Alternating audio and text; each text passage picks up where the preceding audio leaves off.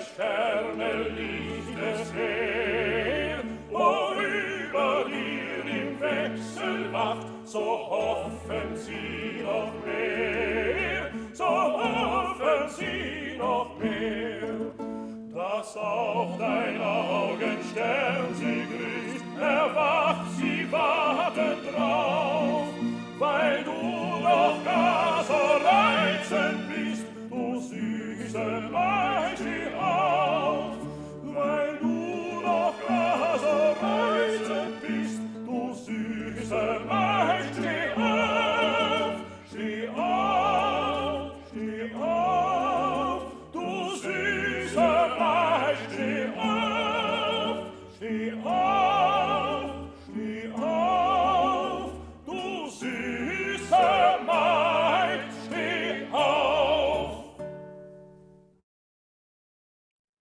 Komiði sæl. Þá eru Rudolf Sjökk, Erik Kunz, Manfred Schmidt og Walter Haug sem sungu lagið Horch Horch die Lerch úr óperettunni Meiaskemmunni Das Dreimedelhaus. Tónlistin er eftir Franz Schubert en Heinrich Berti færði hana í óperettubúning. Frank Fox stjórnaði FFB hljómsveitinni. Það er ekki nóg með að tónlistin í Meiaskemmunni sé eftir Schubert Óperettan fjallar um Schubert og þeir sem syngja þennan söng í fyrsta þætti eru Schubert og vinir hans, Leopold Kuppelwieser, Moritz von Schwind, Johann Michael Vogl og Franz von Schober. Þó að flest sem gerist í óperettunni sé skálskapur, voru þessir vinir Schuberts til í raun og veru. Í þessum þætti verður litið nánar á þessa fjóra vini tónskálsins sem fengu þann heiður að verða personur í óperettu tæpum 90 árum eftir andlát Schuberts. Fjórmenningarnir voru allir austuríkismenn eins og Schubert sjálfur og það þarfist ekki að koma neinum á óvart að þessir vinir Schuberts voru líka allir listamenn hver á sínu sviði. Kúpelvíser og Svind voru báðir myndlistamenn, Fókl var söngvari, Sjóber fjækst við ímislegt, myndlist, skáldskap og leiklist. Leopold Kúpelvíser var ári eldri en Schubert, fættur 1796 og lést 1862. Fræg er vatslitamind sem hann gerði af Schubert og vinahópi hans, bæði körlum og konum, í samkvæmisleik í veislu þar sem Schubert situr við piano fremst á myndinni. Til er tónsmíð eftir Schubert sem tengist Kúpelvíser en saga þessa tónverks er afar sérstök. Þetta er stuttur vals sem Schubert samdi 17. september 1826 í tilefni af brúðkaupi Kúpelvísers og Jóhannu von Lutz. En valsinn var ekki gefin út á prenti og varðveittist ekki heldur í handriti. Hins vegar var hann spilaður á piano hjá Kúpelvíser fjölskyldunni, kynnslóð eftir kynnslóð og varðveittist þannig þar til tónskáldið Richard Strauss skrifaðan upp 4. janúar 1943 eftir pianoleik Maríu Máttner Markov. Segja má að valsinn hafi þannig varðveist í handlegri geimt líkt og talaður um munlega geimt. Jörg Demus leikur nú Kúpelvíser valsinn.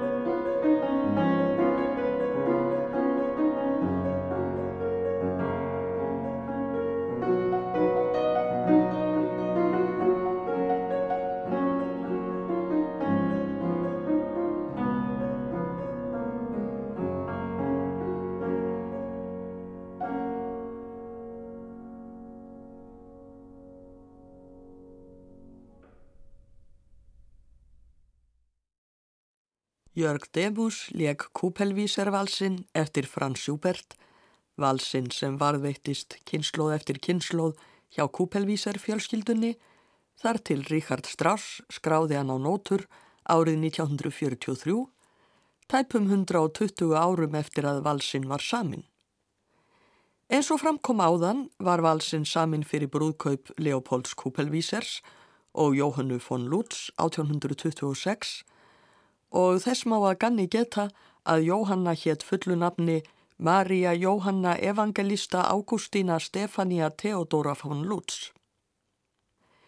Við skulum nú hlýða á annað Schubert-tónverk sem tengist Leopold Kupelvíser óbeint. Bróðir Kupelvísers, Jósef Kupelvíser, samti tekstan fyrir óperu Schuberts, Fjera Bra, árið 1822 En Schubert og Jósef voru báðir í félagi sem var kallað Unsínske Selschafft eða Vittleysu félagið og áttu félagsmenn auðvitað að gera alls konar vittleysu. Óperan Fjerabra kom samt ekkert Vittleysu félaginu við, heldur var þetta há alvarlega ópera, en Schubert til vonbriða var hún aldrei sett á svið meðan hann livði. Allt söngkonan Jale Papila syngur nú með Karla kvartett, Arjuna, des jammers herbequalen ur fiera bra.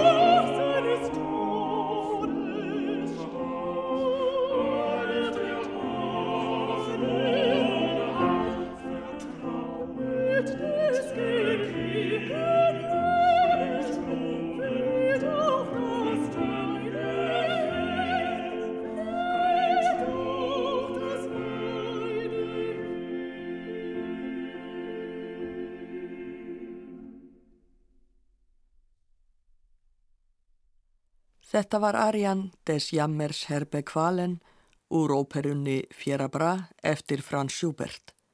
Jale Papila söng með Karla kvartett en kvartettin skipuðu Michael Conner, Jan Kopov, Ralf Gróbe og Andreas Prús. Kord Garben leik með á piano. Snúum okkur þá að næsta vini Schuberts í þeim fjögur að vina hópi sem kemur fyrir í óperettunni Meiaskemmunni. Það er annar myndlistamæður, Moritz von Svind. Svind var sjö árum yngri en Schubert, fættur í Vín 1804 og lést 1871. Eins og margir vinir Schuberts lifði Svind gladværu listamannslífi á æsku árunum og þurfti stundum að borga skuldir sínar á krám með því að mála skildi fyrir kráareigunduna. Hann vannrækti þó ekki listina og átti eftir að komast í fremstu röð romantískra málara í Östuríki. Til er fræg teikning eftir hann af Schubert að leika á piano fyrir hrifna áheyrendur og hann teiknaði líka myndir af Schubert einum. Þá málaði Svind mynd sem sínir aðpurðarásina í einum frægasta söng Schuberts, Erlkönig eða Alvakongurinn, en lægið samt í Schubert viljóð eftir göti. Fadir er á hestbaki seint um kvöld með barð sitt í fanginu, hann þeysir í áttað heimili sínu en litli drengurinn sér álvakong sem reynir að lokka hann til sín. Fadirinn reynir að sannfæra drengin um að þetta sé missýning og ofhernir en drengurinn heyrir greinilega til álvakongsins sem verður sífelt meira ógnandi og segir að lokum að hann skuli taka drengin hvort sem hann vilji eða ekki.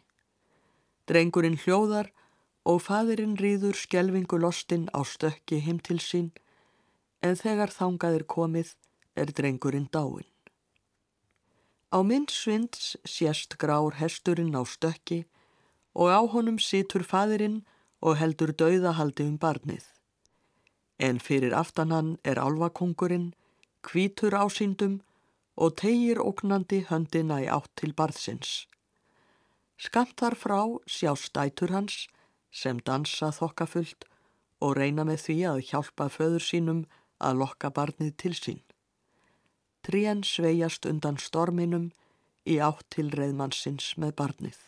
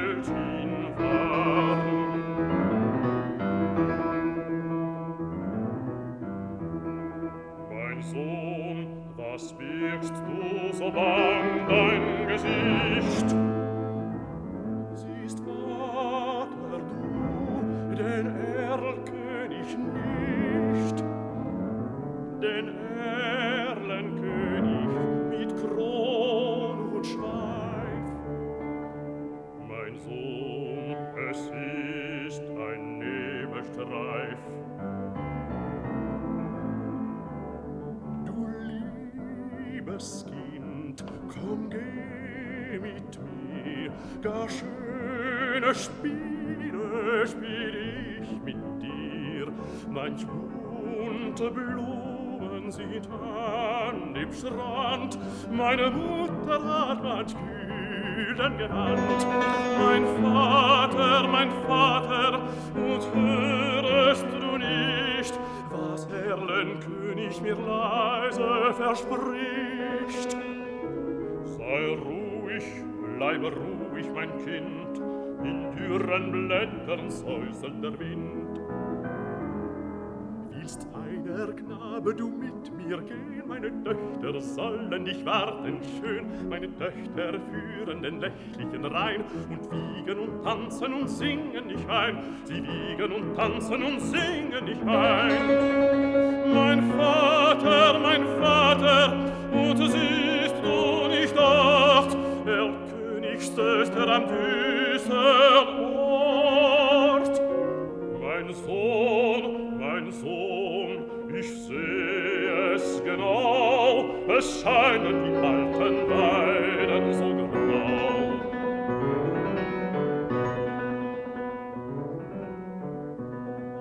Ich liebe dich, mich reizt deine schöne Gestalt, und bist du nicht willig, so brauch ich Gewalt. Mein Vater, mein Vater, jetzt fasst er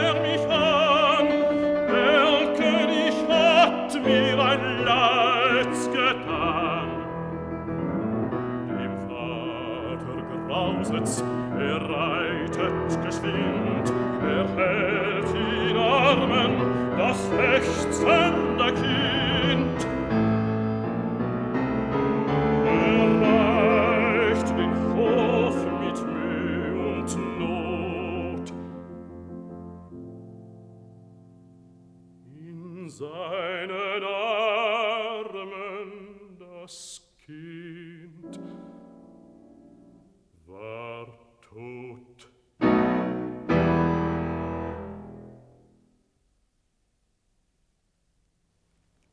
Gérard Sousset söng lægið Erlkönig, Álvakongurinn eftir Frans Schubert við ljóð eftir Göte. Dalton Baldwin leik með á piano. Álvakongurinn tengist líka hinn um þriðja vinum Schuberts sem hér verða nefndi til sögunar. Baritónsöngvaran um Jóhanni Mikael Fógl. Því það var Fógl sem frumflutti söngin opinberlega við mikla hrifningu árið 1821. Fógl var mun eldri en Schubert og flestir vinnir hans, fættur 1768 og dó 1840. Hann var orðin þektur óperusöngvari þegar Schubert var enn á unglingsaldri og Schubert varð yfir sig hrifin þegar hann heyrði Fógl syngja í óperu Glucks í Figeniu í Tauris árið 1813 en þá var Schubert aðeins 16 ára gammal. Schubert byrjaði reyndar ungur að semja sjálfur og var aðeins tæplega 18 ára gammal þegar hann samdi Álvakongin þótt ótrúlegt megi virðast. Árið 1817 hittust þeir fógl í fyrsta skipti. Fógl var dálítið yfirlætislegur í fyrstu eins og mikill í óperustjörnu hæði en brátt hrefst hann af söngum Schuberts og með þeim tókst innileg vináta.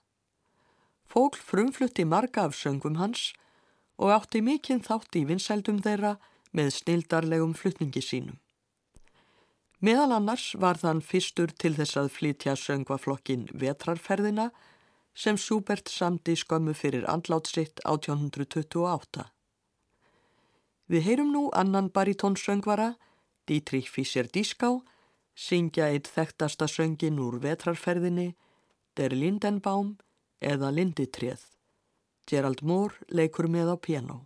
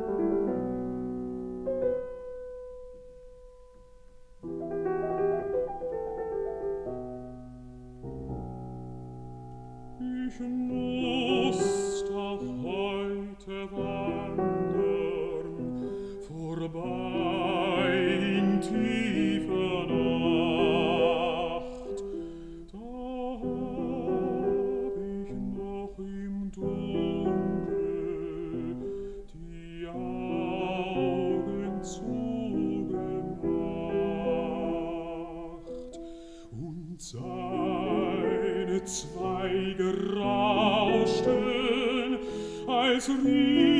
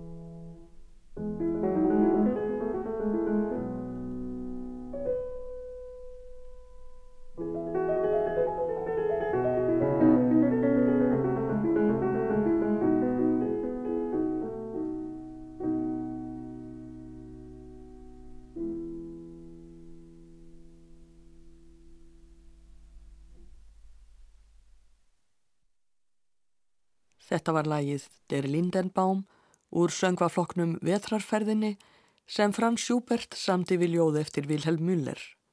Dietrich Fischer-Dieskau söng og Gerald Moore lék á piano. Þó að Jóhann Mikael Fogl væri fyrst og fremst söngvari, áttan til að semja lög sjálfur. Við skulum nú heyra lag sem hann samti við þýska þýðingu á ljóði Desdemónu úr leikritinu Óþelló eftir William Shakespeare. Ljóðið fjallar um stúlku í ástarsorg. Það er Ann Murray sem syngur en Graham Johnson leikur á piano.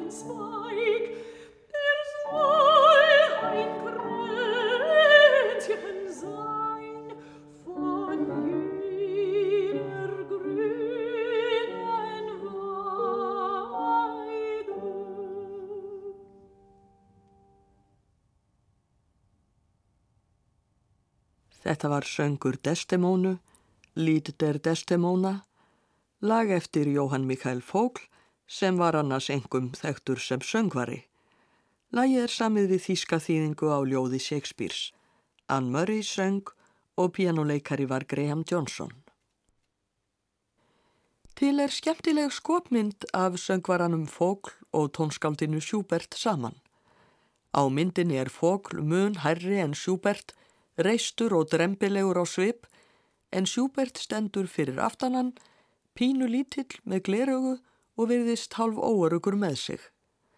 Það var Frans von Schubert sem teknaði þessa mynd og þar með eru við komin að þeim fjórða í þeim vinahópi Schubert sem kemur við sögu í óperettunni Meiaskemmunni. Schubert var ári eldri en Schubert, fættur 1796 í Svíþjóð þó að foreldrar hans væri austurískir og dó 1882. Hann var af aðalsættum og nógu efnaður til að geta styrt Schubert með ímsu móti, til dæmis bjó tónskáldið oft hjá honum. Vinátt að þeirra var engar náinn og í brefi til Schubert segir Schubert að engin annar geti orðið sér það sem hann hafi verið sér. Sjálfur hafði sjóper listræna hæfileika á ýmsum sviðum, hann málaði myndir, orti ljóð og starfaði um tíma sem leikari undir dullnefni. En hann var óreglusamur og hafði ekki sjálfsaga til þess að leggja listina fyrir sig í alvöru. Sjúbert samti lög við mörg af ljóðumanns og við skulum nú hlýða á lag sem er óvenju langt, tekur næstum 15 mínútur í flutningi og er samið við ljóðið Víóla eftir sjóber. Ljóðið hefst á orðunum Snæklukka, snæklukka, þú ringir út á enginu og í skóarlundinum. Halda áfram að ringja því þú boðar gleði tíma, vorið kemur, brúðguminn sem hefur unnið sigur á vetrinum. Síðan er því líst hvernig ringing snæklukkunnar vekur blóminn. Fjóla vaknar fyrst og býst til að fagna brúðgumannum. Hún klæði sig í grænan kjól og setur á sig fjólubláa skikku. Svo flýtir hún sér af stað en ó, hún hefur vaknað of snemma. Vorið er ekki komið og hinn blómin, sístur hennar, sjást hverki. Fjóla felur sig grátandi. Loks kemur vorið og heilsar blómum sínum rósinni, liljunni og híasindunni. En hvar er fjóla? Hún er dáin af hjartasorg. Snæklukka, snæklukka, ringdu yfir fjólu svo hún sofi vært.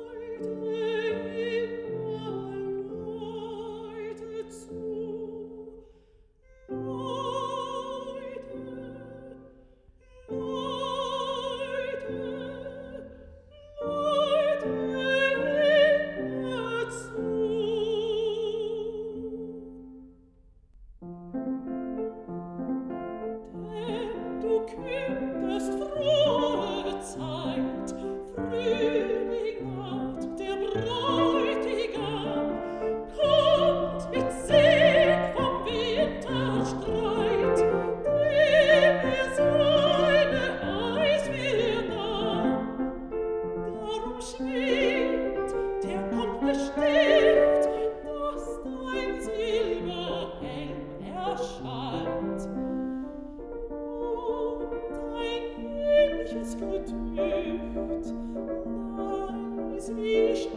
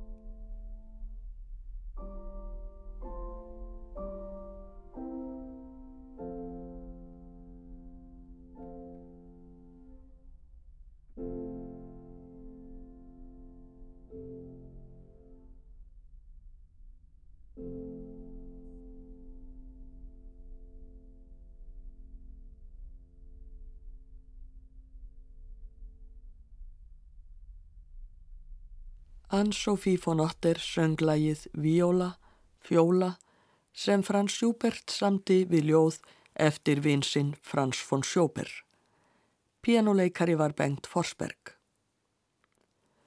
Vorið var Schober oft hugleikið eins og framkom í þessu ljóði.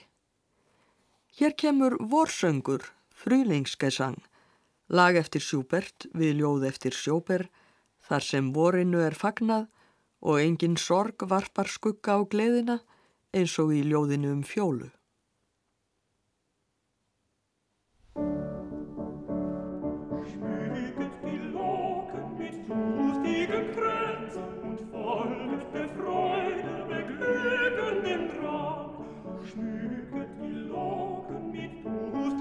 Grenze und folget der Freude beglückenden Drang. begrüßet den Frühling mit heiteren Tänzen, den Sieger der alles in Liebe bezwang, den Sieger der alles in Liebe bezwang.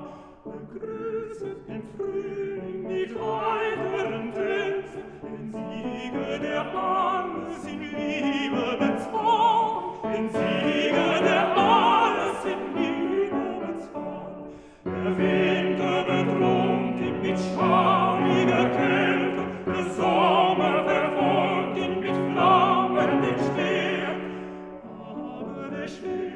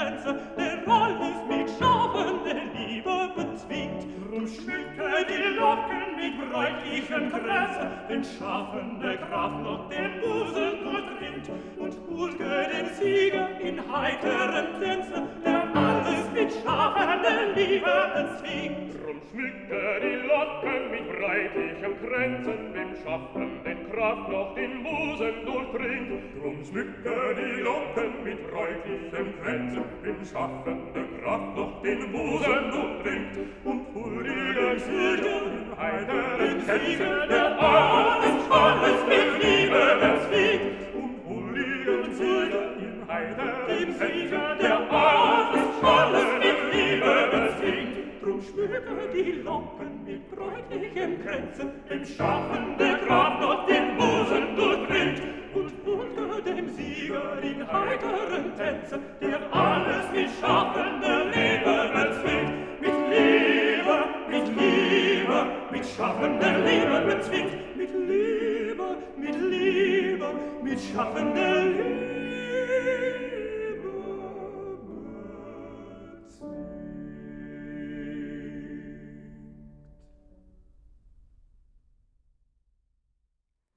Paul Agnew, Jamie McDougall, Simon Kinleyside og Michael George sungu vorsöng, Frýlingsgesang, eftir Frans Schubert við ljóð eftir Frans von Schober.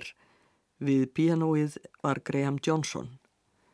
Þegar hlustaðir á þennan söng er ekki löst við að maður sjáu fyrir sér Schubert umkringdan vinum sínum á góðri stund. Við heyrum að lokum frægasta lægið sem Schubert samti við ljóð eftir Schober en það er andi-músík til tónlistarinnar. Ljóðið lýsir því hver mikil svirði tónlistin sé og víst er að Schubert og aðrir vinir hans gáttu tekið heilsugar undir þetta með Schober. Mattias Görnes syngur og Helmut Deutsch leikur með á piano. Ég þakka hlustendum samfélgina, verði sæl.